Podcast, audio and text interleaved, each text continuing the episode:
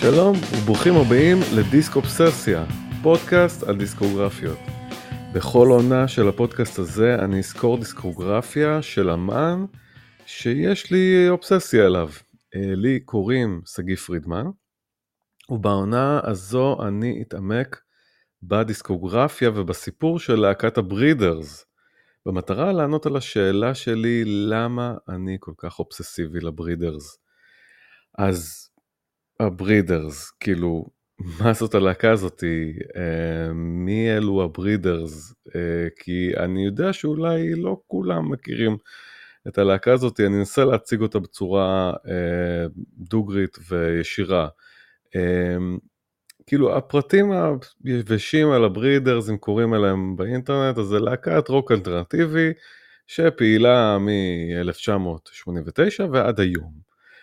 אבל בתכלס, אם רוצים להיכנס לעומק העניין, זה הלהקה של קים דיל. אוקיי, אז מי זאת קים דיל? אז זה הבן אדם הכי חשוב בלהקה, בתכלס. אז קים דיל, אמ, היא מוכרת להרבה אנשים כבסיסטית של ה Pixies. וזה גם להקה שאנחנו נצטרך, אם אתם לא מכירים, אני, אסתר, אני אסביר עליה וקצת אה, נפרט, כי היא ממש קשורה אה, ל Breeders. ה Breeders וה Pixies הם אה, אה, חולקות את קים דיל, ולכן, אה, וזה שתי הלהקות הכי חשובות שלה. אה, אז, אבל בגדול ה Breeders זה ה baby של קים דיל, אה, בניגוד ל Pixies שבה היא רק הייתה הבסיסטית. החברה השנייה הכי עקבית בלהקה, אה, יחסית, היא אחותה התאומה הזהה של קים דיל, קלי דיל, שמנגנת אה, בגיטרה מובילה. עכשיו הלהקה הזאת כאמור קיימת מ-89, זאת אומרת שהיא כבר קיימת כמעט 25 שנה, אבל היא הוציאה בסך הכל חמישה אלבומי אולפן, שלושה איפים ואלבום הופעה אחד. אז הספק לא מאוד גדול ללהקה שקיימת המון זמן, ואנחנו גם את זה, אני אנסה להסביר אה, מה, מה עומד מאחורי זה, אבל עדיין, אה, לדעתי מדובר בחמישה אלבומי אולפן, שכולם עומדים ברמה אה, אחד של השני, ואנחנו אה, ניגע בזה גם. אז בפרק הזה אני אספר את כל מה שהוביל לאלבום הראשון של ה Breeders, שקוראים לו Pod מ-1990. אז אבל אם אנחנו רוצים להבין את אה, ה Breeders, כמו שאמרתי, ה Breeders זה קים דיל, יש המון חברים בלהקה שבאו והלכו, אמ, אבל הלהקה זה הלהקה של קים דיל, זה ה baby שלה, ולכן הסיפור בתכלס הוא סיפור, אה, סיפור החיים שלה, במידה כזאת או אחרת. אמ, אז קימברלי אנ דיל, זה השם המלא שלה, נולדה ב-10 ביוני 1961 בדייטון, במדינת אוהיו בארצות הברית. אמ, היא נולדה כאמור 11 דקות אחרי אחותה התאומה הזה, קלי. אמ, אז היא ילידת 1961, גדלה בשנות ה-60, אבא שלה, אד, הוא היה פיזיקאי בהכשרתו, האימא שלה, אין, היא עובדת, עבדה כגנט ילדים, ויש לה אח גדול אה, בשנה וחצי, אה, שקוראים לו קווין, אה, ככה שזה נותן לנו איזשהו שלושה אחים שככה קטנים שבעיקר האימא גידלה. הרקע מבחינת מאיפה היא בעולם הוא כן חשוב לנו בשביל להבין את הראש המוזיקלי של, של קינדיל, היא, היא למעשה אה, נולדה באוהיו אבל עברה ממערב וירג'יניה לאוהיו. יש לזה חשיבות, לנו בארץ זה לא נראה מעניין במיוחד, מה זה משנה, מערב וירג'יניה, אוהיו, זה הכל תכלס די נשמע אותו דבר, אבל Uh, מערב וירג'יניה, uh, אם היא יותר ספציפית, היא מדברת שהיא, הם, אה, המשפחה, כל המשפחה, גם מצד האבא, גם מצד האימא, הגיעו אה, מהערי האפלאצ'ים, ששם בתכלס גרים ההילביליז, לפחות הסטיגמה של ההילביליז, האנשים שגרים בהרים, עניים לרוב, הם מגדלים הרבה ילדים, אה, בורים, כן, חסרי אה, אה, חינוך, ובאמת, באמת המשפחה שלה כזאת, זאת אומרת, היא, קצת מתביישת בזה במידה מסוימת, קצת מצאת את זה משעשע. אבא שלה עבד במכרה פחם ביחד עם כל המשפחה שלו, אבל באמת השינוי של החיים שלו, הגיעו אה, אצלו, זאת אומרת, אה, אח שלה כבר לא עבד גם במחיר פחם. אבא שלה באמת לחם במלחמת קוריאה, קיבל אה, מענק ללימודים אקדמיים ולמד פיזיקה ומתמטיקה. וככה למעשה הוציא את עצמו מה, מהעוני וממערב וירג'יניה ועבר לאוהיו. למעשה לעיר פרברית קטנה ליד דייטון, שקוראים לה היובר הייטס, אה, עיר ממש קטנה.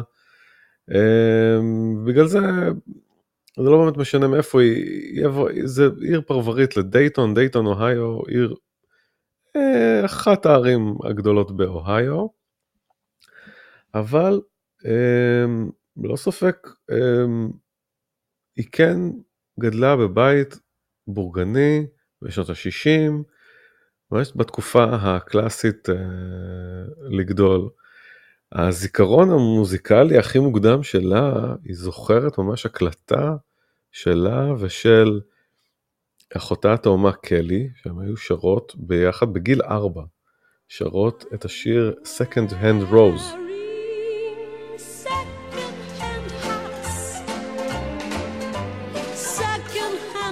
זוכרת את זה לטובה בתור, אה, בתור אה, זה שהיא נשמעה די טוב, זאת אומרת מוזיקלית כבר מלידה היכולת שלהם, של שתי החיות האלה לשיר ביחד אה, ממש מגיל ממש צעיר, אבל העניין שלה בנגינה התחיל האמת גם בגיל יחסית צעיר לגיטרה.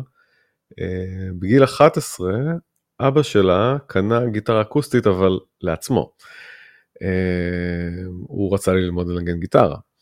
אבל היא לקחה את הגיטרה שלו בזמן שהוא לא ראה וככה פתחה את הטבלטורות והאקורדים ומאוד התעניינה ולימדה את עצמה לנגן. השיר הראשון שהיא למדה לנגן זה King of the Road. של רוג'ר מילר.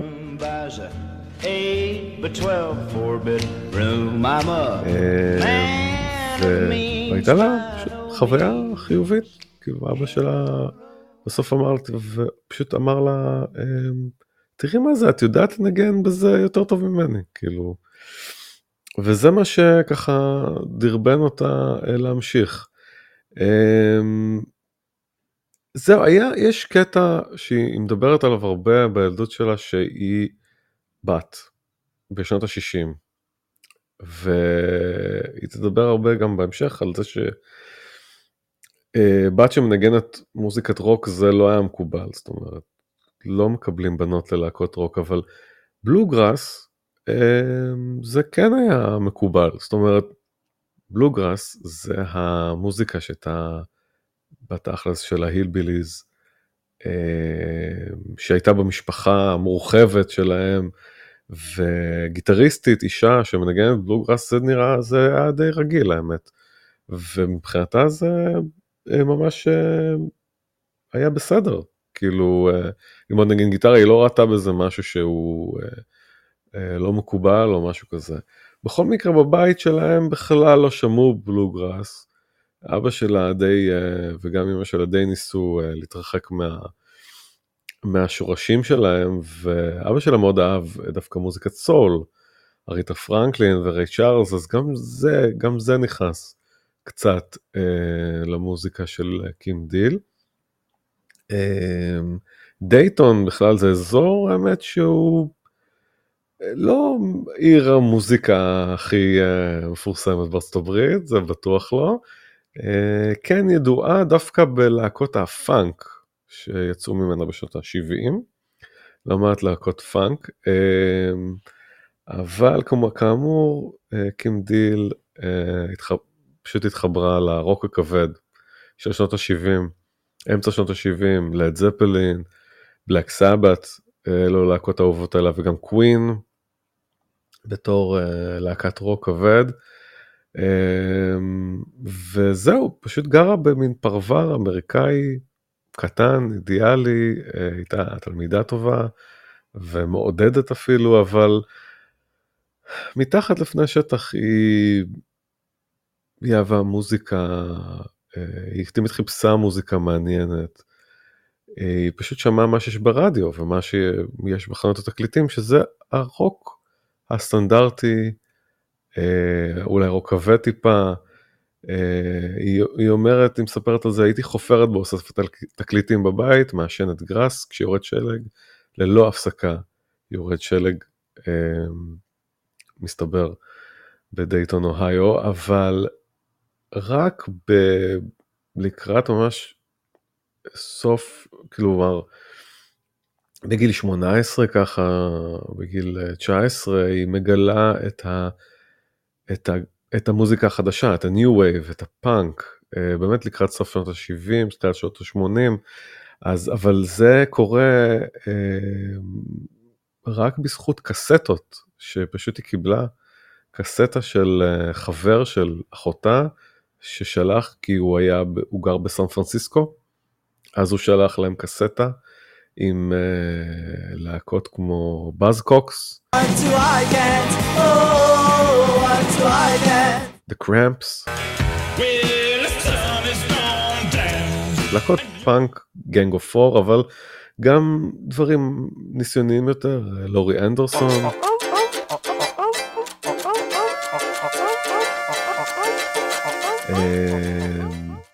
ג'יימס בלאד אולמר שזה יותר ג'אז.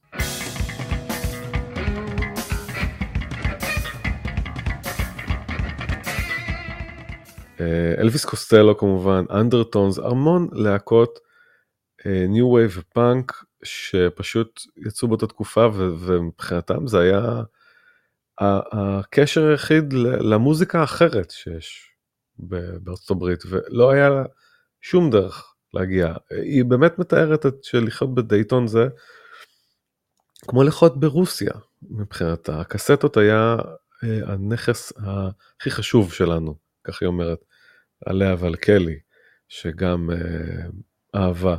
הקשר היחיד לציוויליזציה, ככה היא מתארת. אז, אה, אז קים בתכלס, היא מוזיקה זה האובססיה שלה, היא, היא, היא מתחילה אה, ללמוד לנגן בעצמה והיא גם רוצה אה, להופיע.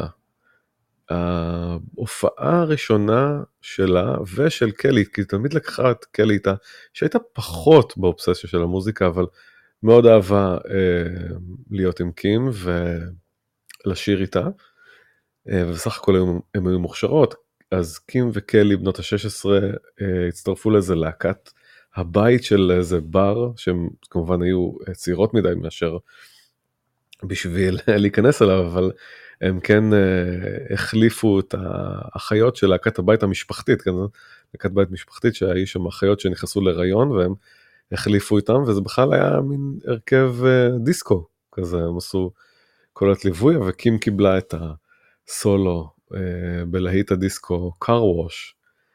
אה, שהיה חם באותה תקופה.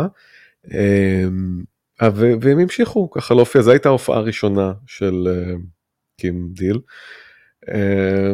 שזה מאוד מוזר, אז קים וקלי דיל המשיכו ככה להופיע בחתונות של חברים ומשפחה, לא משהו מקצועי, או להופיע במסעדת הסטייקים Ground Round, פשוט בתור מוזיקת ליווי.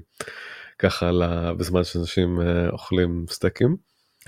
אז זהו, הם עשו בעיקר קאברים לשירי פולק, שירי קאנטרי.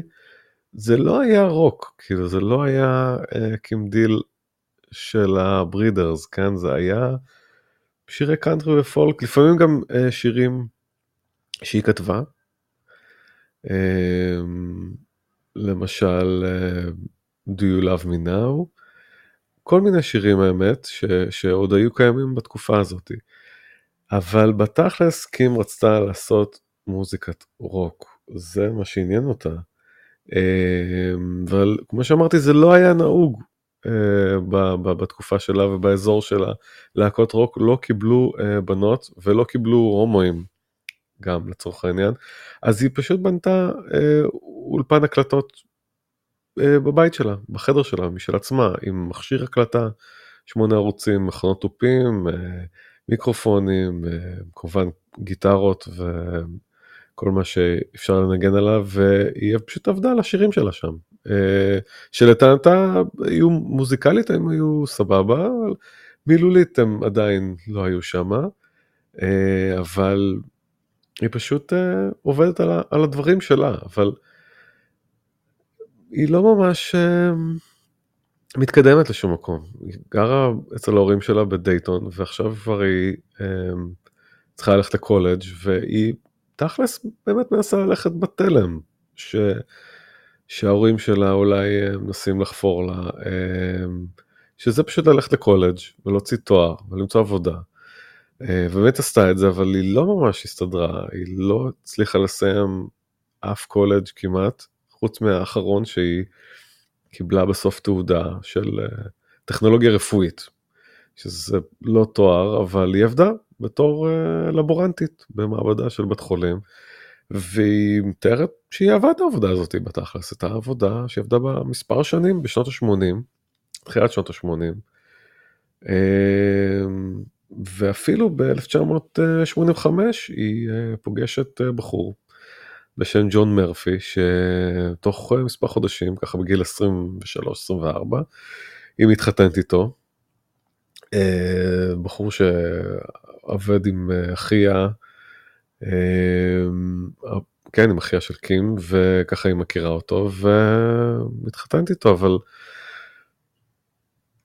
בפנים היא, זה לא נשמע שהיא יודעת מה, מה היא רוצה לעשות, והיא די אבודה, זאת אומרת, היא לא התקדמה, התקדמה מוזיקלית לשום כיוון, היא לא נגנה באף להקה באוהיו, היא אה, ניסתה להתמסד ופשוט אה, להתחתן ולעבוד, אבל זה לא באמת התאים. גם החתונה שלה היא מעידה שהיא פשוט אה, כנראה ממש לא רצתה להתחתן, אבל לא יכלה... לא, לא, לא יכלה לעצור את זה כנראה, היא בכתה, היא אומרת כל הדרך שהיא צעדה במעבר החתונה, וזהו, הנישואים האלו לא, לא החזיקו זמן, לא החזיקו זמן רב, ותוך פחות משנה הם נפרדים ומתגרשים. והיא באופן כללי, אמ, אם ניכנס טיפה לצדדים האישיים, שאין גם הרבה מידע, היא לא תתחתן מאז, ולא ברור כל כך אם יש לה בכלל בן זוג או בת זוג, או, או איך היא מגדירה את עצמה. לפי רעיון אחד, היא כן אמרה שהיא פשוט, אה, היא לא לסבית, היא פשוט א-מינית. זה, זה ההגדרה שהיא עשתה, אני חושב, אני לא יודע, אבל בוא נגיד ככה, זה באמת לא הקטע שלה. אמ, והמוזיקה, זה בסופו של דבר מה שמניע אותה בחיים, והיא אובססיבית למוזיקה. היא מאוד אוהבת אה, שירים ולנגן ולחשוב על שירים ולכתוב שירים. אנחנו ניכנס. לפרפקציוניזם ולאובססיביות שלה. אבל כן משהו אחד טוב קרה בזכות הנישואים שלה לג'ון מרפי. ג'ון מרפי במקור הוא אה, הגיע מבוסטון. הוא בא לעבוד לתקופה קצרה באוהיו וככה הוא פגש את קים דיל ואז הוא אמר אוקיי עכשיו אני אה, חוזר לבוסטון. את אה, באה איתי? אז היא אמרה כן אני היא באה איתו לבוסטון. ובבוסטון כמובן היא לא מכירה אף אחד, הם עוברים לשם ממש בתחילת 1986, היא עושה את מה שהיא עושה בכל עיר חדשה, היא גם עשתה את זה כשהיא ביקרה בלוס אנג'לס באולימפיאדה. היא פותחת עיתון, בדרך כלל עיתון, עיתוני מוזיקה, ומסתכלת על המודעות של הדרושים. דרושים אה, נגנים, ובדרך כלל היא, היא נורא אוהבת לצחוק מכל הנגנים, אה, מהדרושים של הנגנים, כל המודעות המגוחכות האלה של אה, להקות שהן סופר אמביציוזיות ושרוצות ככה להצליח ומחפשות את המישהו המושלם שיהיה לו ככה, שהוא יהיה לו את המיליון כישורים או איזה זמרת שהיא תהיה בלונדינית בגודל המושלם ביותר, ובבוסטון היא גם פותחת אה, מגזין כזה והיא ככה מהללת, ושם היא רואה דווקא מודעה שהיא לגמרי ההפך הגמור ממודעה כזאת שהיא אוהבת, שזה להקה מחפשת בסיסט שאוהב Hüsker Dü ו Peter, Paul and Mary, בבקשה בלי chops. זה מילה שקשה לתרגם לעברית. אז, אז יש פה כמה דברים, קודם כל, במודעה הזאת ש, שהם אה, מעניינים.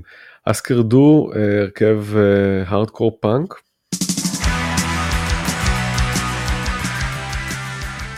כן, ופיטר פול ומרי זה הרכב פולק משנות ה-60.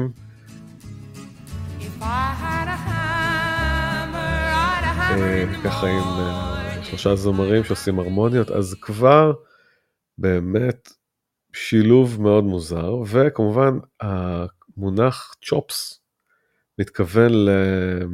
בדרך כלל למיומנות מוזיקלית של אה, נגני ג'אז, אה, אז, אז המודעה הזאת היא פשוט אומרת בלי צ'ופס, בלי נגנים שסופר מוכשרים, וזה מאוד קורץ לה, זאת אומרת זה אומר וואו זה פשוט אנשים מגניבים uh, לדבר איתם, כי אני לא מכירה פה אף אחד, אני לא מכירה אף אחד בבוסטון, אז היא מתקשרת uh, וככה היא פוגשת את צ'ארלס תומפסון וג'וי סנטיאגו שהם הם הבסיס של הפיקסיס. Uh, בדיעבד היא תגלה שהיא הבן אדם היחיד שענה למודעה הזאתי.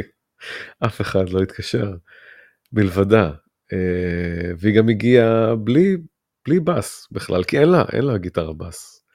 אה, היא, היא באה עם הציוד שלה, אבל, עם הגיטרות, אבל אין לה גיטרה בס, אז, אז מה שהיא עושה, היא קודם כל היא פוגשת אותם והם מתחברים והם אוהבים את אותה, אותו סוג מוזיקה, והיא פשוט אומרת, אוקיי, אז, אז, אז אוקיי, צ'ארלס תומסון הוא, אה, הוא ה... מה שהוא יקרא על עצמו אחר כך בלק פרנסיס. אה, הוא הגיטריסט וכותב שירים, יש לו הרבה שירים, אה, וג'וי סנטיאגו גם גיטריסט, שככה היה מתלבט אם הוא רוצה לנגן בס או גיטרה, בסוף זה לה על זה שהוא ינגן גיטרה וקים שהיא תכלס גיטריסטית תנגן את הבאס, אז מה שהיא עושה היא מתקשרת לאחותה שעדיין אה, גרה באוהיו, שתבוא, קודם כל תביא את הגיטרת בס שיש אה, לה, כי אה, כן לא אמרתי את זה אבל כשהם היו מופיעות ביחד אז אז אה, קים הייתה מנגנת גיטרה וקלי הייתה אה, שרה ביחד עם קים וגם לפעמים הייתה מנגנת בס קצת ידעה לנגן בס אז היא אמרה תביאי את הבס שלך ובואי תצטרפי ללהקה בתור מתופפת כי למדת תופים בתיכון. זה מה שהיא אה, חשבה והיא רצתה תמיד אה, להביא את אה, קלי איתה. אז קים וצ'ארלס שילמו על כרטיס טיסה בשביל שקלי תבוא, תתחלקו ביחד, היא הגיעה, הביאה את הבאס אבל אמרה לא תודה, אני לא רוצה יותר מתופפת, אני יש לי עבודה בתור מנתחת מערכות, אה, עם סיווג, היא עבדה באיזשהו מקום עם אה, סיווג, היא לא יכולה לעזוב, אז היא אמרה לו תודה. בגדול, היא גם בינה לבין עצמה אמרה, אני לא ממש רוצה להיות בלהקה שקים לא מובילה אותה, זאת אומרת, היה ברור שצ'ארלס הוא ה... הוא כתב הרבה שירים ו... והוא ה... כאילו אדם ש... אה, רוצה להוביל את, ה, את הכיוון וקים הייתה בתכלס פשוט שמחה להיות עם אנשים uh, כמוה שפשוט אהבו מוזיקה טובה ו... ורצו uh, לנגן אבל פה כבר מתחיל הדיסוננס כי עד כמה שקים אוהבת לנגן uh, והיא בראש של uh, צ'ארלס תומפסון uh, היא עדיין,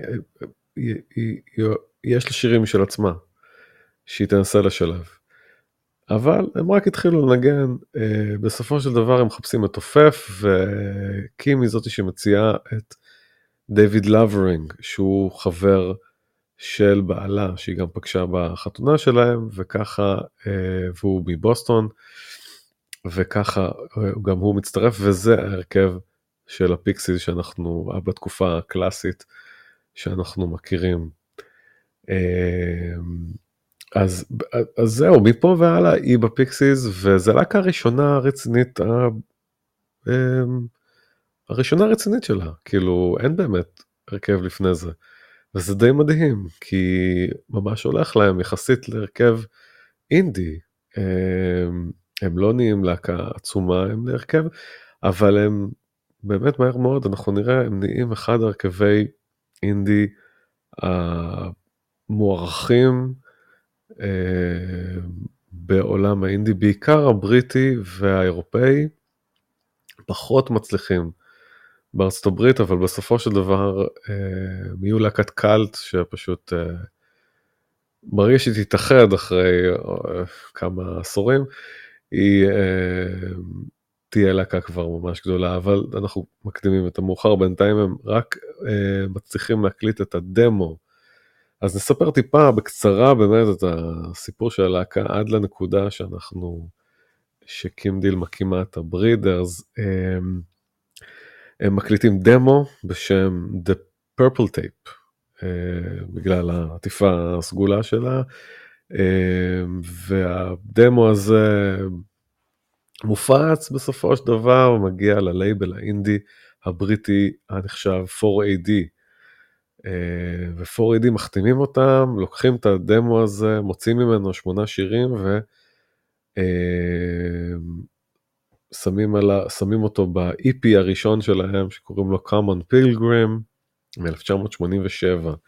זו ההוצאה הראשונה של הפיקסיס, אה, ששם צ'ארלס תומפסון רשמית נהיה בלק פרנסיס, ככה הוא מכנה את עצמו אה, עד היום אפשר להגיד, וקים דיל גם אה, ככה תמציא לעצמה איזשהו אה, nickname, איזשהו אה, שם בדוי, היא תקרא לעצמה מיסיס ג'ון מרפי, כלומר גברת ג'ון מרפי, כאיזה בדיחה, אה, בדיחה פמיניסטית אה, כזאת, כי היא... אה, בעבודה הזמנית שהיא עבדה בתור מזכירה רפואית, היא, אה, היא פשוט התפלאה ממישהי שהתעקשה שלא יקראו לה בשמה, אלא יקראו לה מיסס, השם של בעלה, וממש עמדה על זה והתעקשה, והיא פשוט חשבה שזה מטומטם לגמרי, והיא כל כך אה, לא הבינה את זה, אז שהיא פשוט, אה, ככה היא קראה לעצמה ב-EP וגם באלבום הראשון של הפיקסיס,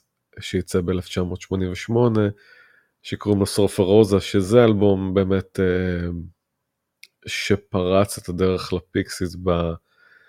בעולם האינדי, יש בו כמה דברים שככה קרו שהיו חשובים. קודם כל, הוא מופק ומוקלט על ידי המפיק שלא היה מוכר בזמנו, אה, סטיב אלביני, שבאמת מפה אה, לא רק הוא יהפוך לדמות חשובה באינדי בכלל, אה, גם הוא יהפוך לדמות חשובה בחיים המוזיקליים המקצועיים של קים.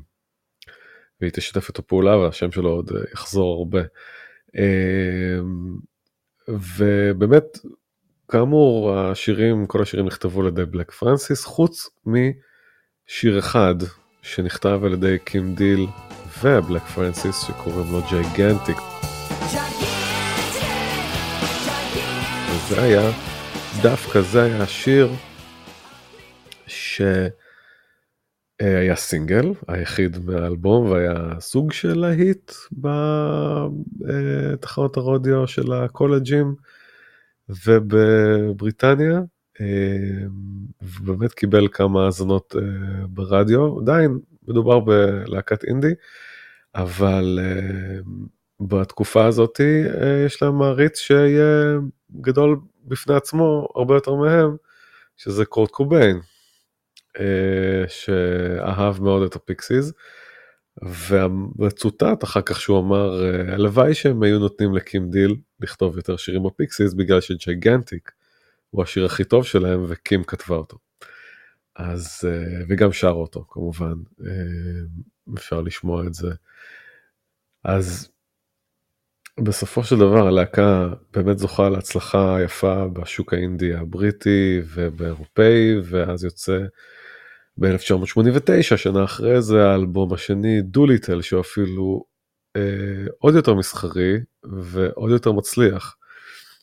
אה, אבל שם באמת המתחים בין אה, קים דיל לבלק פרנסיס, אה, שם המתחים ממש מתחילים להיות אה, מעל פני השטח. אה, קים אמרה שהסשנים להקלטות כבר אה, היו לא טובים, אמרו, הם התחילו כיף והפכו לפשוט עבודה. בשיר הזה באמת קים דיל, אה, שוב, אה, שיר אחד נכנס שלה, שהוא שיר שהיא כתבה ביחד עם פרנסיס שקוראים לו סילבר, אבל זה לא היה הלהיט של האלבום, זה שיר קטן שמגיע בסוף האלבום ולא יוצא כסינגל. אה, זהו, לקים יש הרבה שירים משלה. שהיא רוצה להכניס, והם פשוט לא, לפי פרנסיס, הם לא מתאימים להרכב, הם לא מתאימים לשירים שלו, והוא חושב שזה פשוט לא, לא יכול לעבוד ביחד, זאת אומרת, הוא אומר, אנחנו באנלוגיה, הוא אומר, אנחנו, הלהקה עושה פיצות, לא עוגיות, אוקיי? זאת אומרת, השירים הם לא אותם סוג של שירים.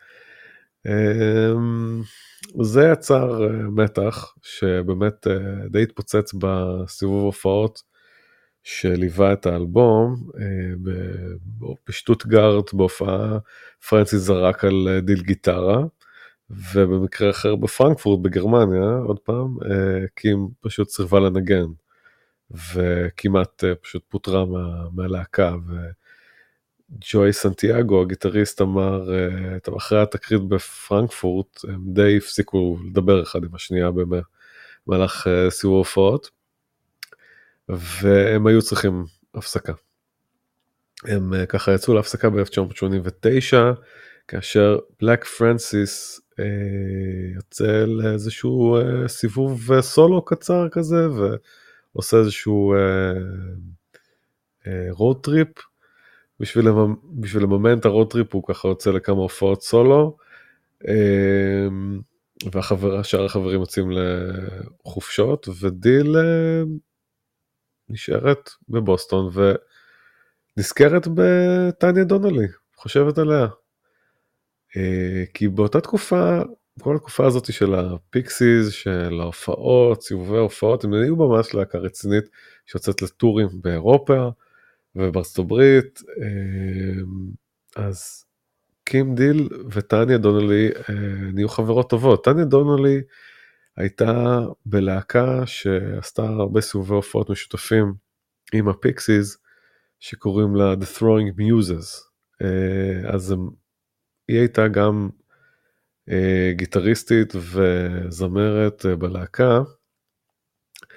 ובמידה מסוימת היא הייתה במצב דומה לזה של קים דיל.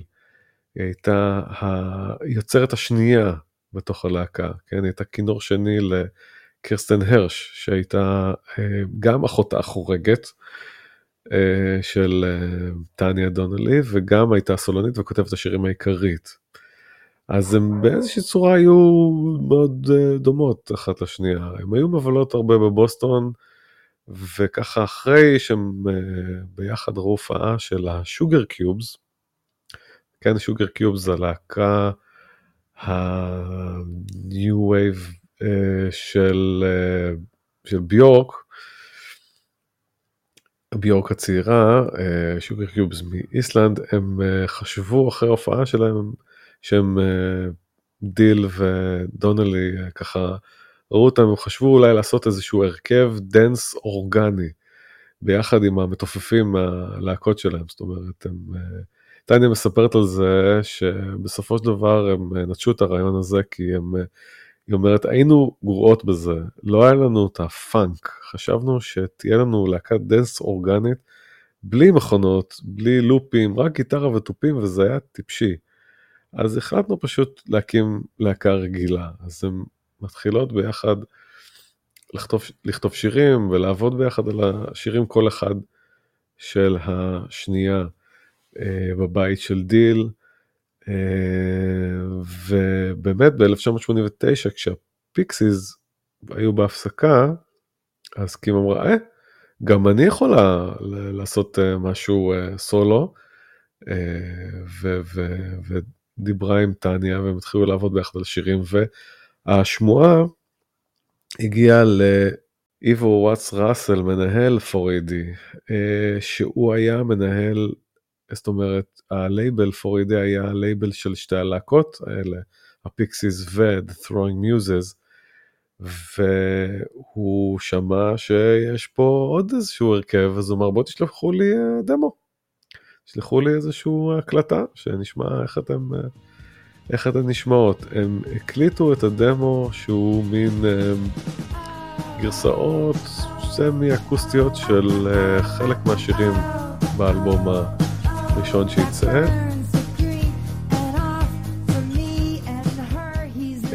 זה היה אלו שירים רק של קים.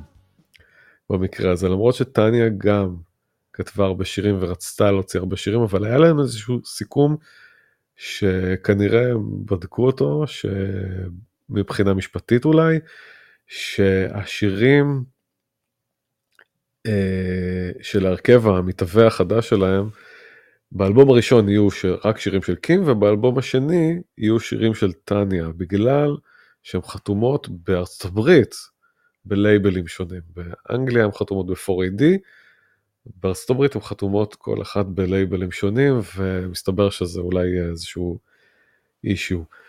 אז כמובן הן uh, מקליטות דמו, uh, כל אחת על גיטרה ושירה והן מצרפות אליהם גם את uh, קרי ברדלי שהיא כנרת מלהקה שקוראים לה Ed's Redeeming Qualities, שזה להקה שעוד ניתקל בה, וריי הולדיי שהוא גם המנהל של Ed's Redeeming Qualities שמנגן על הבאס בהקלטות האלה וגם כותב עם uh, קים uh, שניים מהשירים.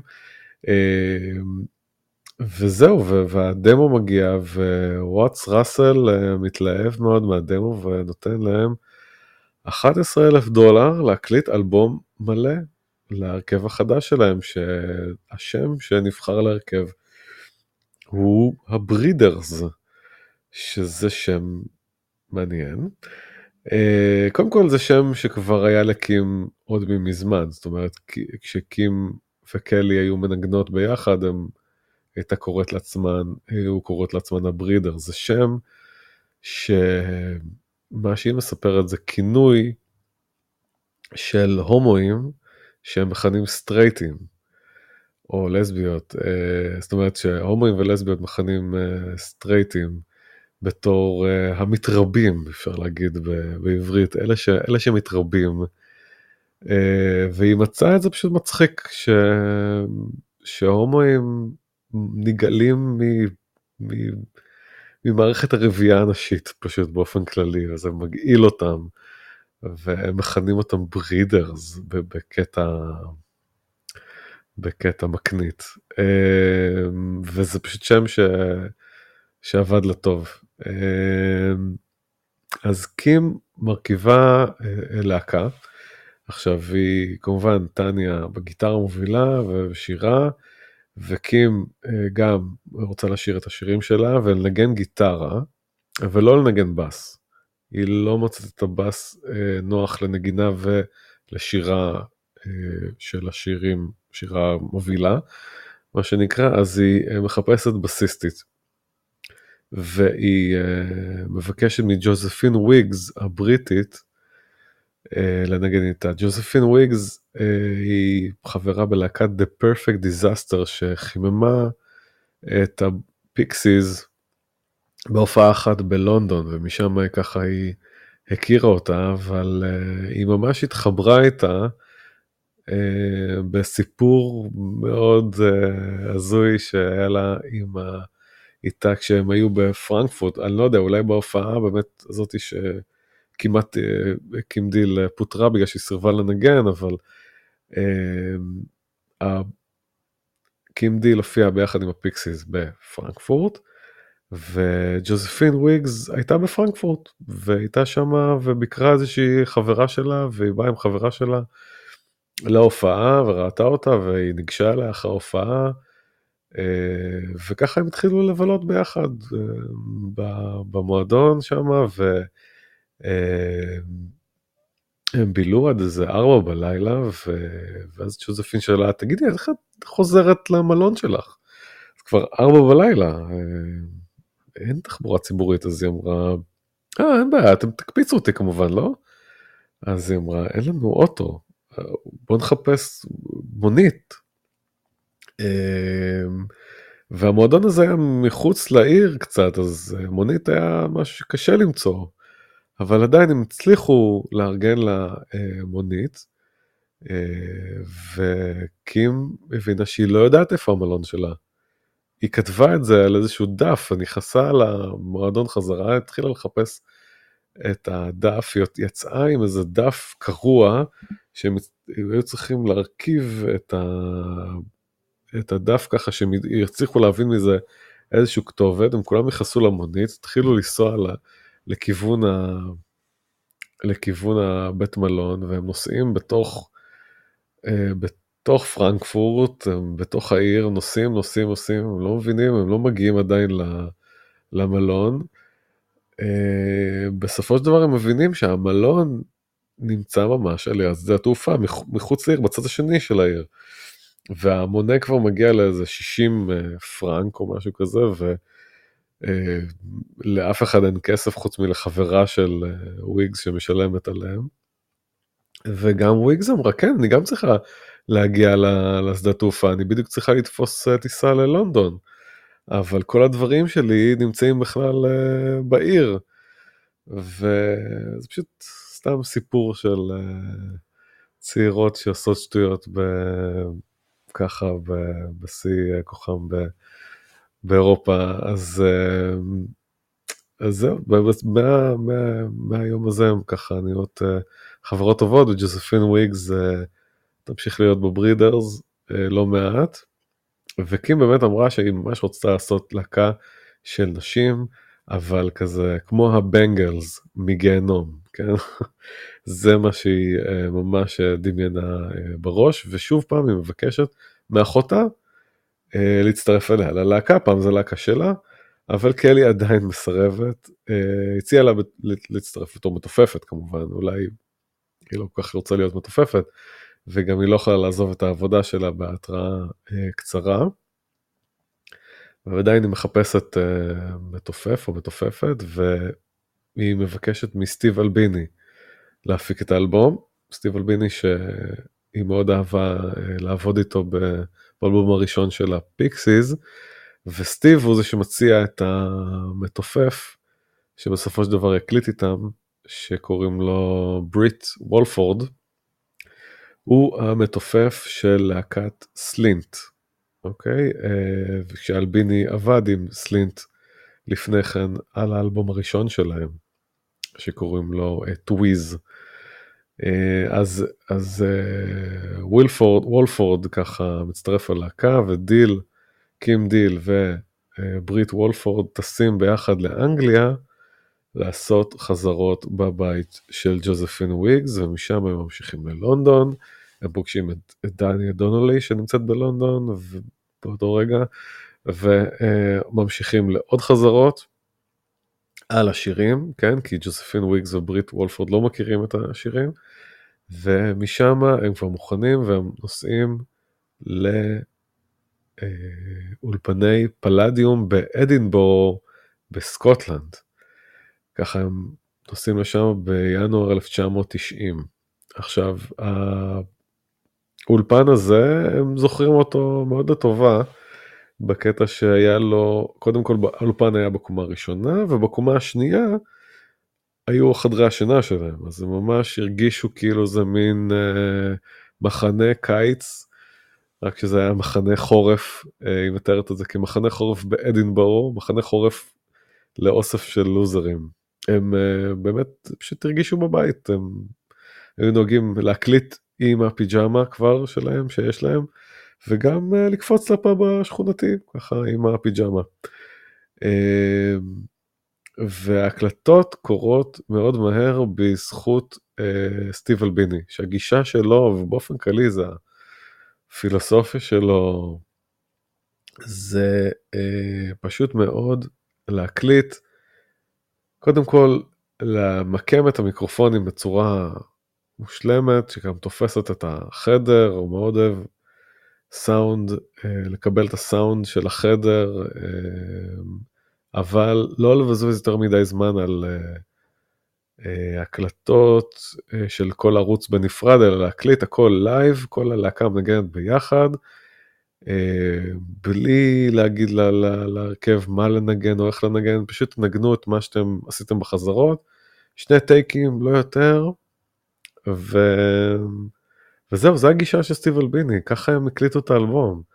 אה, הגישה הזאת היא די גרמה לוויכוחים בין אה, אה, סטיב לדונלי ודיל ודיל, ששניהם ככה היו מאוד לא בטוחות לגבי הביצועים שלהם ורצו עוד פעם להקליט ו...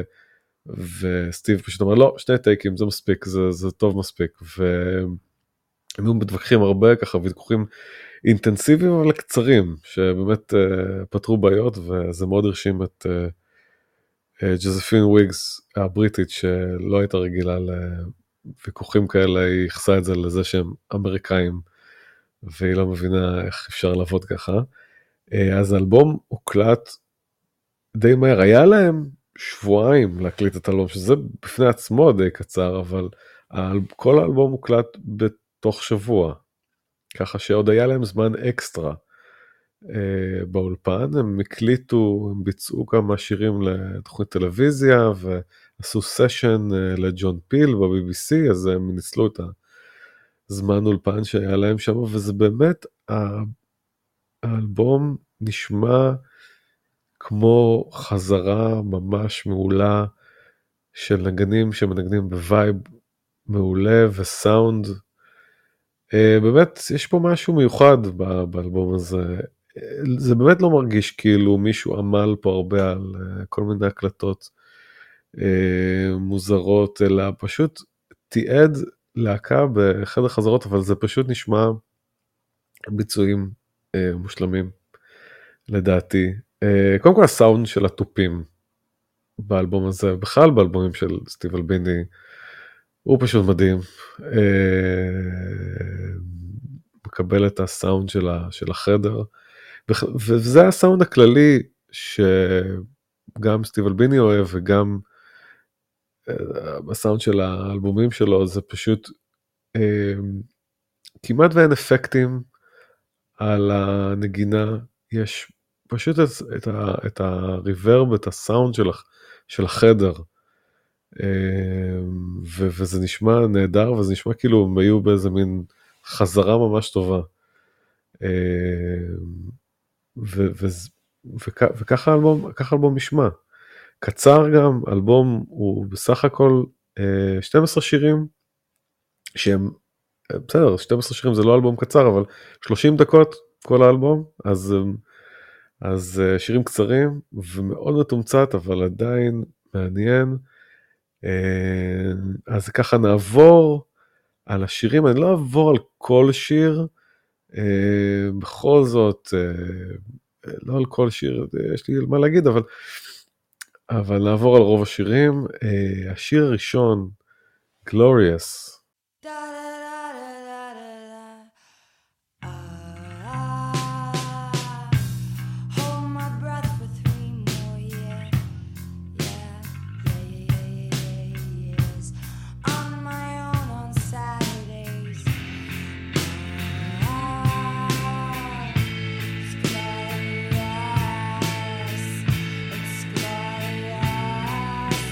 אז באמת נפתח בקצב ממש ממש איטי. אה, פתיחה באמת אה, מיוחדת, כאילו זה לא השיר הסטנדרטי שהיית מצפה מלהקה חדשה שרוצה להרשים, אה, לפתוח את האלבום של השיר באמת מוזר בדמו, אגב השיר הזה היה הרבה יותר מהיר. אה, ופה הוא מועט מאוד לאט. אה, וזה שיר, אה, שיר ממש מעניין. קודם כל, באופן כללי, אני אגיד כמה מילים על, ה, על המילים של קים דיל ועל הטקסטים שלה. קשה להבין אותם לבד, זאת אומרת, הם בכוונה לא, טקסטים לא נותנים הרבה פרטים, יש להם ככה, הם, בקיצור מילים לא, לא הכי ברורות, אבל אם דיל אה, אומרת על מה המילים, והיא לרוב אין לה בעיה לספר על מה היא חושבת שהשיר, אז זה נשמע מעניין וגם נשמע אה, מתאים. אה, אז היא אומרת שזה שיר על אישה שמתמסטלת מתה של פטריות הזיה, ככה, ומשאירה את החלונות בבית של הפתוחים, ושבחורף, כשיש גשם ורוח, אמ, זה נשמע ככה, אני חייב להגיד. אה, יש פה איזה מין דיסוננס מאוד מעניין בין הפזמון של ה-glorious, שהיא פשוט אומרת it's glorious, לבין האווירה האפלה של הפזמון עם הגיטרה המאוד דיסוננטית הזאתי. אמ, שיר ממש יפה. להתחלה אחריו אנחנו עוברים לככה שיר קצת יותר קצבי שהוא כאילו היה שיר ראשון הוא קצת יותר אה, שיר אה, פתיחה כזה שיר שמכניס לאווירה. שיר השני קצת יותר שיר אה, קצבי ודרמטי שקוראים לו דו.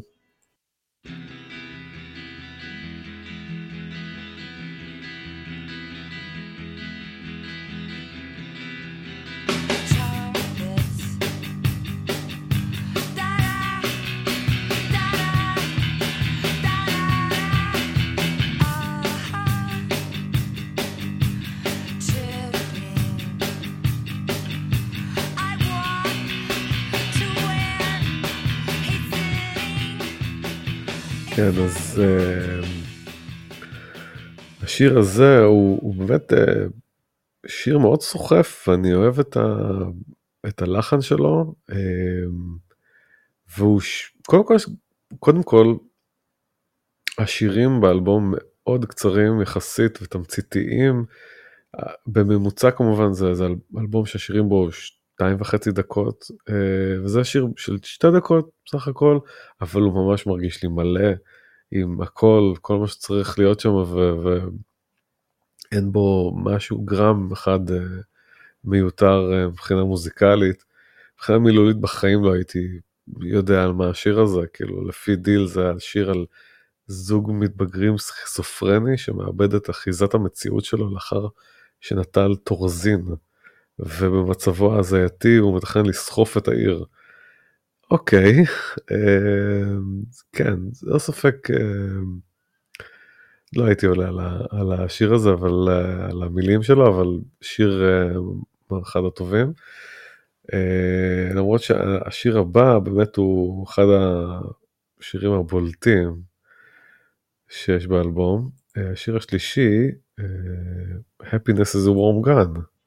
She's not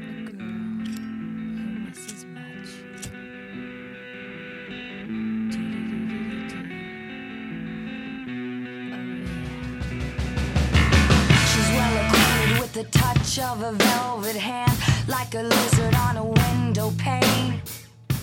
זהו, זה כמובן Happiness is a warm gun, הקאבר, זה הקאבר היחיד באלבום, קאבר לביטלס מכל, מכל האמנים השיר השיר שהוא מהאלבום הלבן של הביטלס אה, באמת זה היה הצעה של מנהל הלייבל איבו וואטס ראסל שהם יעשו קאבר ל-Happiness is a Warm Gun, uh, באמת הם עושות פה משהו מיוחד, הוא נהיה סוג של uh, להיט, שכן אהבו להשמיע אותו קצת ברדיו, ברדיו של קולג'ים ואינדי.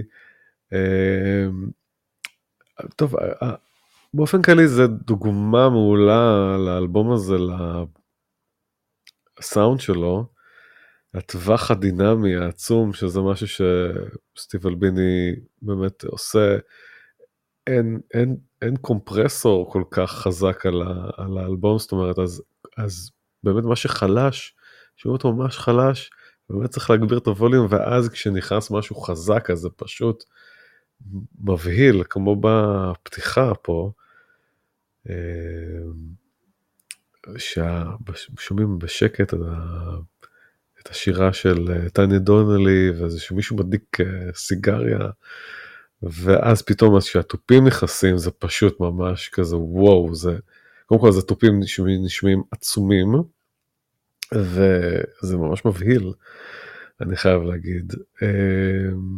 ואני חושב שמוזיקלית הם עושות פה משהו שנותן אינטרפטציה ממש טובה לשיר, זה שיר, בכל מקרה זה אחד השירים הכי אפלים, מיניים של הביטלס, של ג'ון לנון, אה, והברידרס ממש מקצינות את המוזיקלית, את השיר, את האפלה שבשיר. אה, למשל ב-I need a fix, הקטע ששרות אה, I need a fix. זה נשמע כמו שקיעה בדיכאון ממש.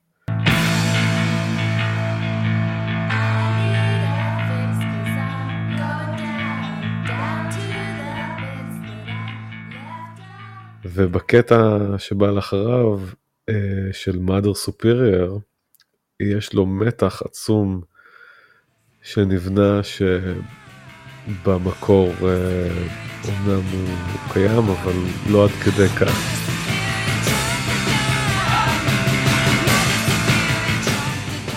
בקטע השיא של השיר, שהם שרים את השם Happiness is a warm gun, בגרסה של הביטל זה הקטע השיא, זאת אומרת, זה ממש, ה...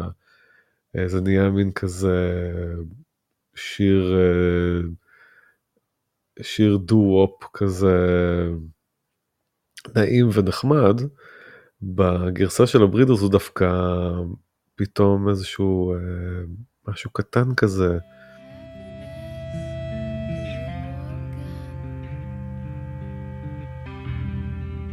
אבל חורק ו... ומוזר ואיזשהו, זה כאילו אולי האופוריה אחרי ה fix אה, של הדובר של השיר, אבל זה נשמע כמו איזה אופוריה מאוד, אה, מאוד אפלה. זאת אומרת, יש פה ממש אינטרפרטציה מאוד חכמה לשיר. אה, אחד, ה, אחד ה covers, לדעתי, הטובים שאנשים עשו לביטלס, וזה די מפתיע, כי הם לא עושות covers, זה לא להקה שעושה הרבה covers, וגם קים דיל. לא תעשה עוד covers לשירים uh, מאוד מוכרים, היא דווקא כן תעשה covers, אבל uh, זה קטע, בקטע אחר. Uh, השיר הבא, באמת יש לו כמה אורחים. Uh, לשיר קוראים או, oh, והוא כזה שיר uh, אקוסטי,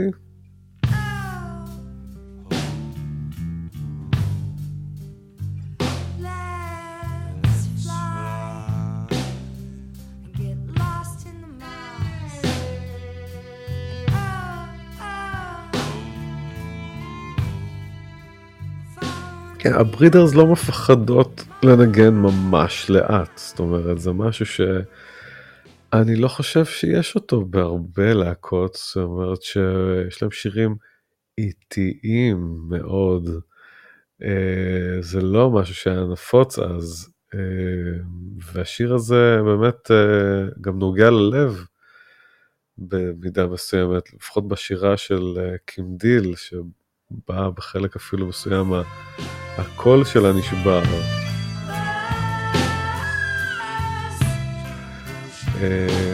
וכמו שאמרתי קודם, בשיר יש כמה אורחים, יש לנו את הכנרת, קארי ברדלי שהייתה עוד בדמו, והיא תלווה את, את הברידרז בעוד, בעוד שירים, וגם שר עם קים דיל מייקל אלן, מלהקת The Wolfgang Press,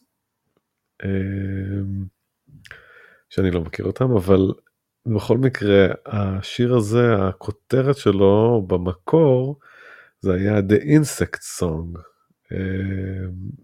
זה שיר שמדבר על חרק שמעודד חרקים בתקווה שלא ידרכו עליהם. משהו כזה, זה מוטיב גם חוזר של, של קים דיל לדבר על יצורים ממש קטנים, שירים מנקודת המבט של יצורים מאוד קטנים, או של דברים נורא קטנים. וזה באמת משהו שחוזר על עצמו גם בשיר הבא, השיר Hellbound, שהוא שיר הרבה יותר קצבי ו... ואנרגטי. It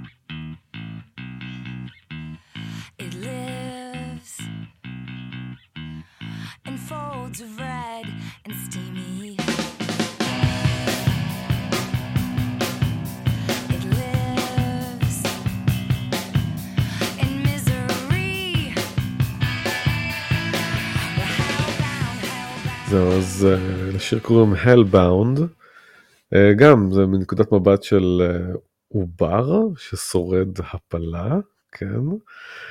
שוב, מתעסקת uh, בהרבה דברים uh, אפלים, בהרבה דברים uh, טבויים קצת, וגם בדברים שקשורים למיניות, לפוריות, uh, כשם הלהקה, אנחנו נראה את זה גם בהמשך. אבל היא, היא דווקא מציינת בשיר הזה, היא אומרת שיש בה את השורה שהיא הכי נבוכה שהיא כתבה, זו השורה It lives despite the knives internal. זה מה שהיא, אה, זה המילים של, ה, של השורה הזאתי. עכשיו, אה, הלהקה די כאילו הקניתה אותה ואמרה שזה לא, לא מתאים, אבל היא לא הצליחה למצוא לזה תחליף לשורה הזאת, אז היא פשוט מלמלה את השורה.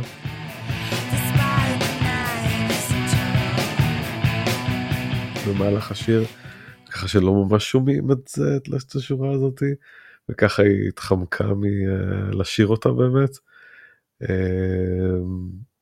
אה, זהו, אהבתי במיוחד את החלק אה, בפזמון, עם כל השבירות של הקצב.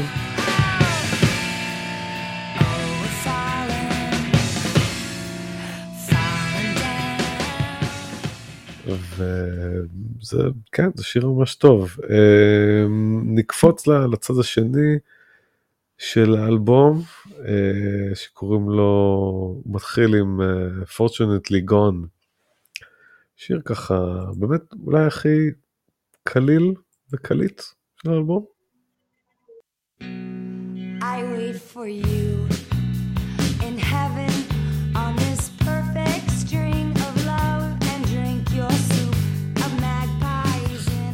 זה שיר באמת הכי קליל ובלי דיסטורשן בכלל באלבום הזה. אה, הכי פופי. אה, השיר הזה דווקא דוגמה לכן התערבות של סטיב אלביני בעיבודים, הוא כן אה, הציע משהו, הוא אמר להפחית טיפה את ההרמוניות הווקאליות, כי בדמו הן קים וטניה שרות את השיר הזה ביחד. I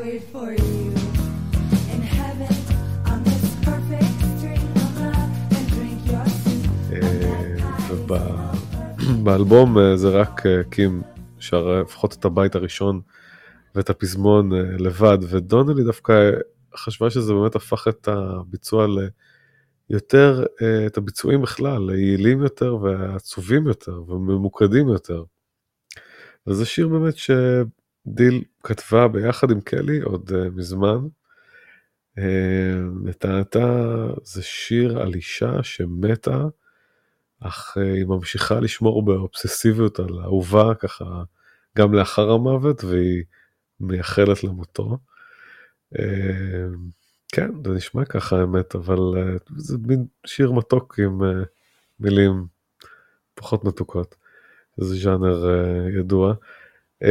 זה השיר הבא הוא לדעתי אחד השירים החזקים של הברידרס בכלל ושל האלבום הזה בפרט. קוראים לו אייריס.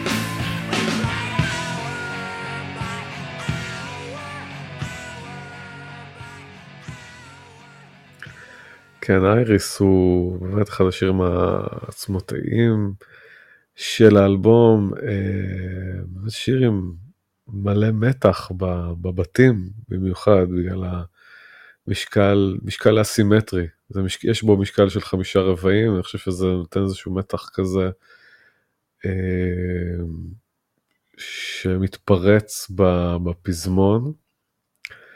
אה, שהוא באמת אה, דיסוננטי מאוד וצורם ו... ובאמת אחד הדברים הטובים באלבום. יש איזה מין רפרנס במילים פה לספר ילדים האמריקאי Ira Sleeps Over, When Ira Sleeps Over, שזה פשוט איזשהו משחק מילים. הטקסט כאמור לא הדבר הכי ברור כמו כל הטקסטים האחרים אבל uh, מאוד מתקשר ל theme של האלבום. אם יש איזשהו uh, נושא לאלבום uh, שקוראים לו Pod שזה באמת המוזכר בשיר הזה המילה pod אז בתרגום לעברית pod זה מין תרמיל אבל זה לא תרמיל איזשהו תיק אלא תרמיל טבעי של צמח או של אה, בעל חיים.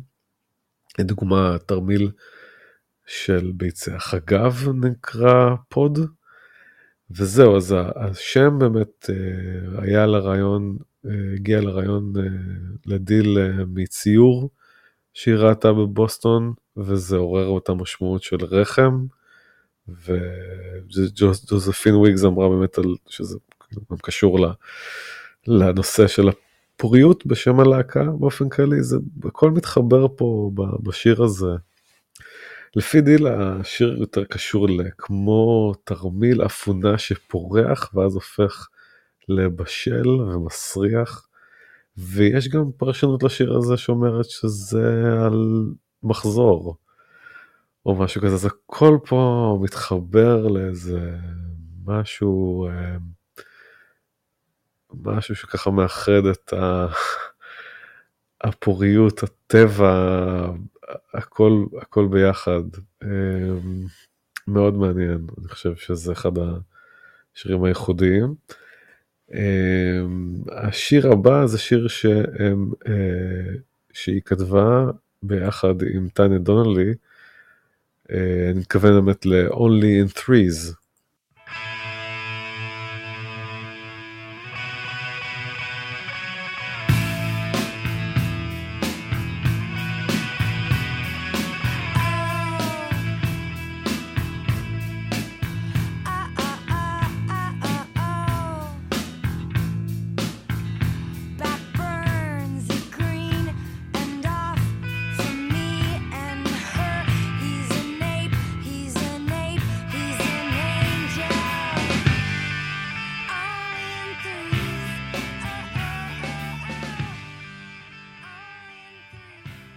זה שיר קצר באמת שכתבה דיל עם דונלי כמו שאמרתי זה ככל הנראה על שלישייה.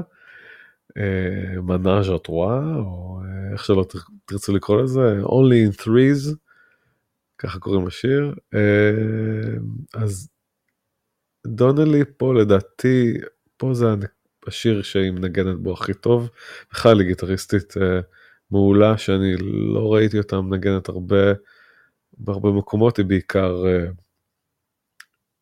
טוב אני לא עקבתי באמת אחרי הקריירה שלה אני לא כל כך מכיר אותה אבל אה, פה היא ממש מבריקה בגיטרה המובילה שהיא לי זה נשמע כמו ג'וי סנטיאגו מהפיקסיס לגמרי כאילו וזה לא פחות טוב ממנו שהוא גיטריסט אה, גאון.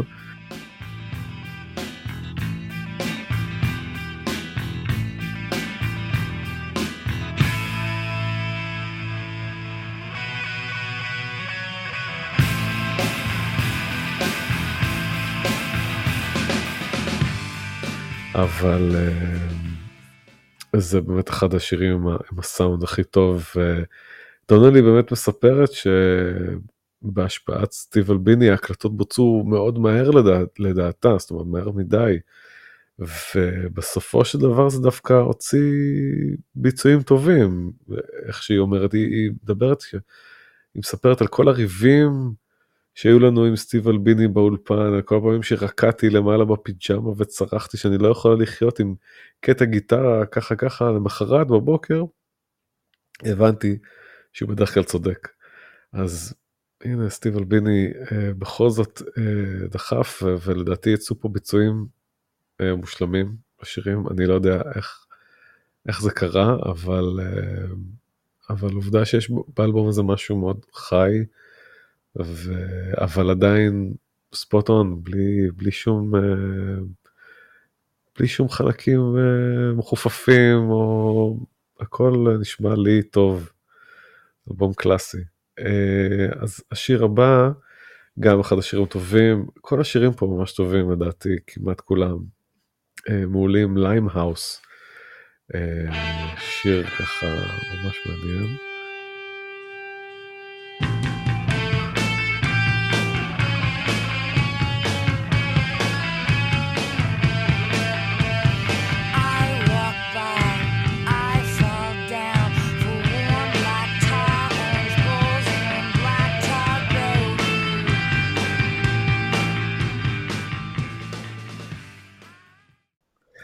אז כן זה שיר שלפי דיל הוא מנקודת מבטו של שרלוק הולמס כן?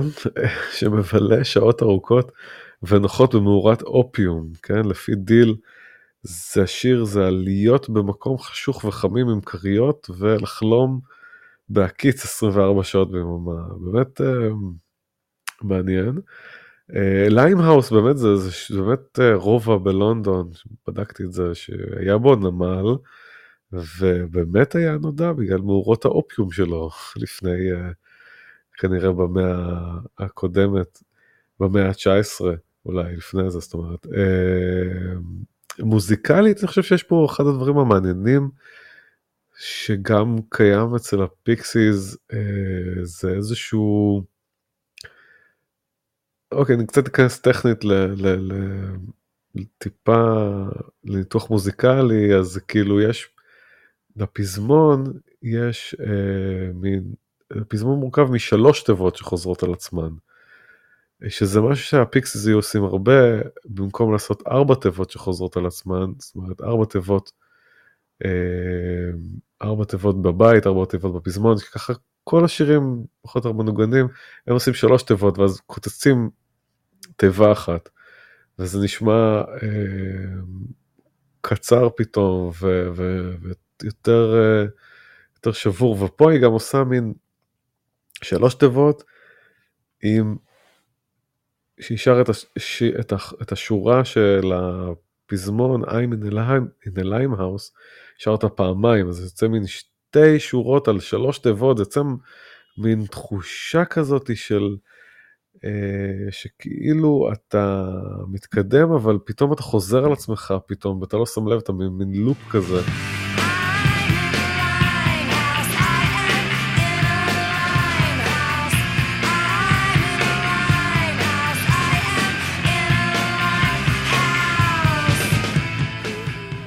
לדעתי זה, זה באמת אה, נותן את התחושה הזאת שאתה במין לופ, בגלל זה זה חכם, זאת אומרת זה לא סתם, אה, זה פשוט סתם איזשהו משחק מוזיקלי כזה ש...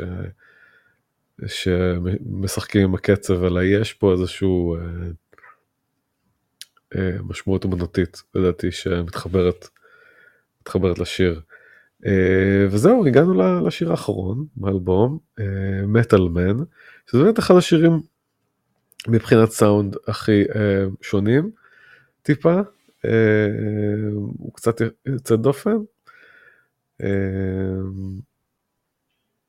קודם כל הוא מתחיל מאוד מאוד בשקט, בקושי שומעים, יש שם מין גיטרה אקוסטית וגיטרה קלאסית שמנגנות אה, ביחד. זה שיר שקים דיל וג'וספין וויגס כתבו ביחד וג'וספין וויגס זו ששרה, אבל בהקלטה זה נשמע כאילו זה מין חזרה אקוסטית כזאת שהן אה, מנגנות אה, ככה בשביל עצמן ו...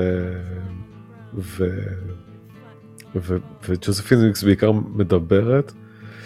ואז פתאום מתחילות לשיר את, ה... את הכאילו פזמון, וכולם שרות ביחד עם הגיטרות האקוסטיות וגם אה, דונלי מצטרפת.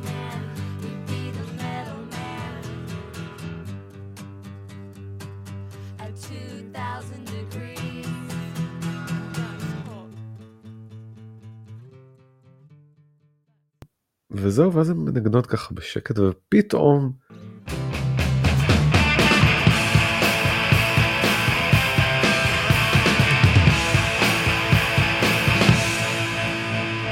מצטרף, מצטרפת כל הלהקה עם התופים וגיטרות חשמליות לאיזה מין... אה, פתאום כאילו אתה אומר, אוקיי, עכשיו מתחיל השיר, ואז זה פשוט נעלם תוך עשר שניות וזהו, וחוזרים עוד פעם לקטע הראשון.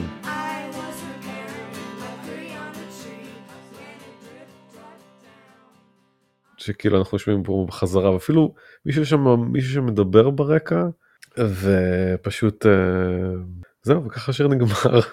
ככה נגמר האלבום. זה שיר מאוד מעניין אבל אהבתי אותו יש לו את הקטע שלו.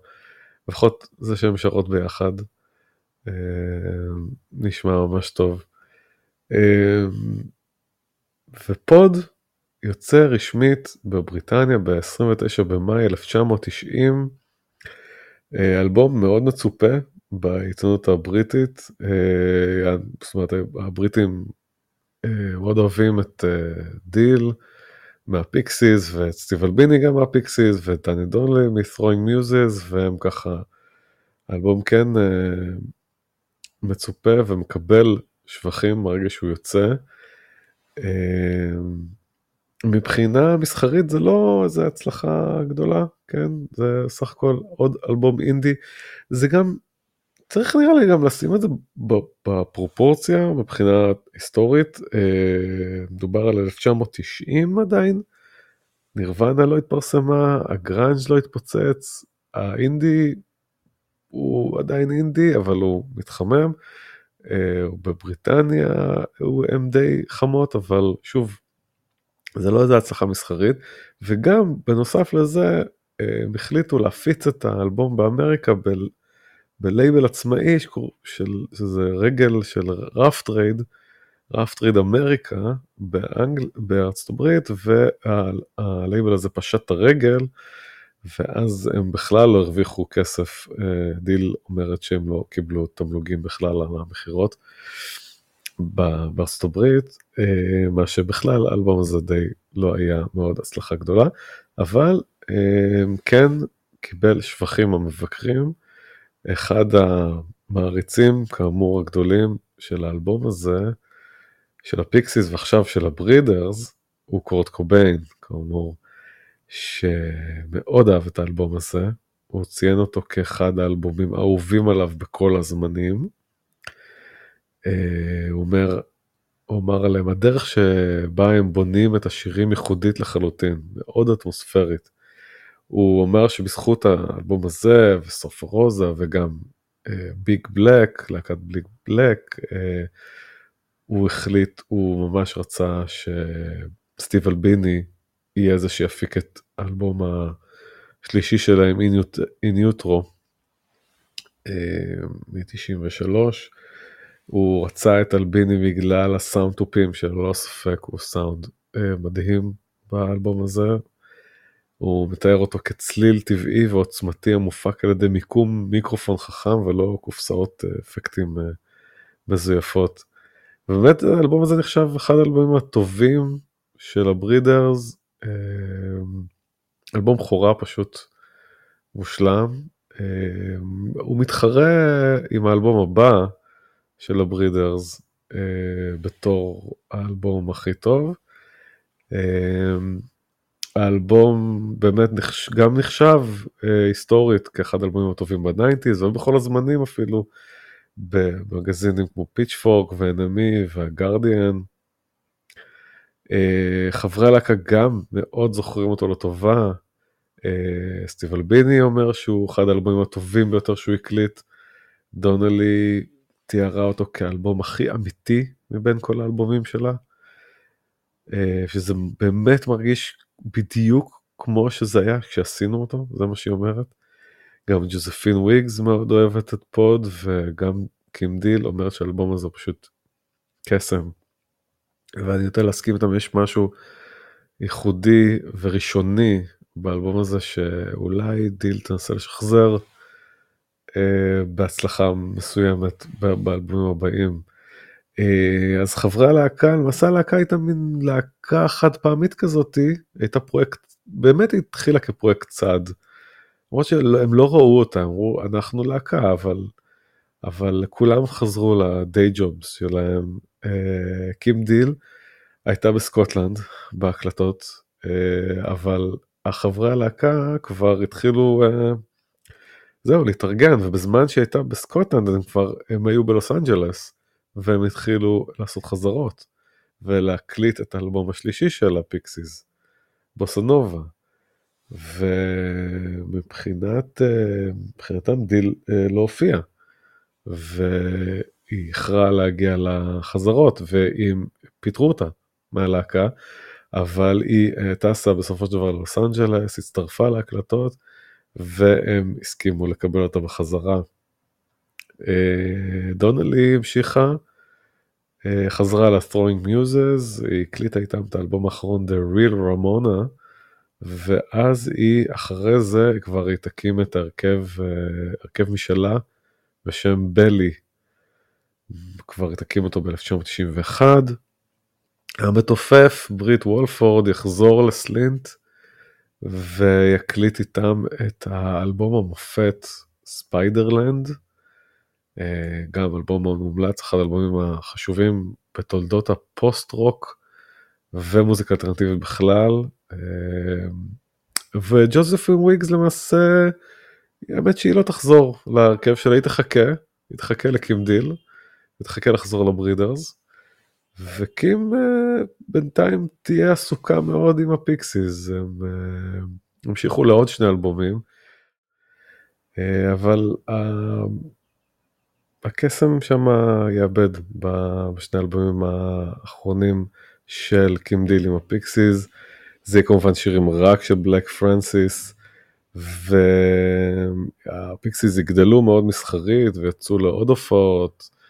ובאמת זה, אבל זה כבר לא יהיה זה מבחינתה, קיבלה תיאבון אה, בברידרס והיא תרצה, תנצל כל הזדמנות במהלך סיבובי ההופעות של הפיקסיס אה, לעבוד על הברידרס עד שהסיפור של הפיקסיס יתפוצץ, אבל זה באמת יהיה בפרק הבא. לדעתי באמת האלבום הזה הוא אחד האלבומים הטובים של, שני, אחד משני האלבומים הטובים של הברידרס, שזה האלבום הזה פוד והאלבום הבא, last splash, שייצא ב-93, ובשני האלבומים האלה הם הסוג של האידיאל של אה, דיל, זה אלבומים שהיא תרדוף אחרי האידיאל הזה שהיא השיגה בשני האלבומים האלה. האלבום הזה אלבום יותר אה, מה שנקרא הפקה מהירה כזאת live to tape שזה קורה איזה קסם שמתעדים אותו באולפן ואלבום הבא יהיה יותר אלבום אה, ניסיוני טיפה יותר, מלוטש מאוד, שאיזשהו, מלטשים משהו לשלמות, אבל גם מנסים הרבה דברים. אמ, והמרדף הזה לשלמות הוא מה שידחוף אותה אה, בהקלטות של האלבום הבא שעליו נדבר בפרק הבא. אז אה, זהו, אתם, אה, זה היה הפרק. אתם מוזמנים לעקוב אחריי בפייסבוק, אפשר לחפש דיסקופססיה בפייסבוק או טוויטר, אפשר לחפש שגיא גלילי. אני גם כותב בטוויטר ואולי באינסטגרם, אני אראה, אה, אפשר לחפש באינסטגרם אה, שגיא פריד. אפשר לשלוח לי גם אימייל, אגב אם אתם רוצים להעיר משהו, אמרתי משהו לא נכון, או אולי אה, אמר, פספסתי איזה שיר שאהבתם, או לא ציינתי איזה משהו, או סתם רוצים להגיד לי מילה טובה, אתם יכולים לשלוח לי אימייל, או בפייסבוק או בטוויטר, אתם יכולים לשלוח לי אימייל לסגי פרידמן את gmail.com.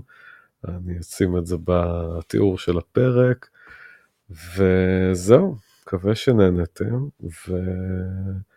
ונתראה בפרק הבא על Last Splash.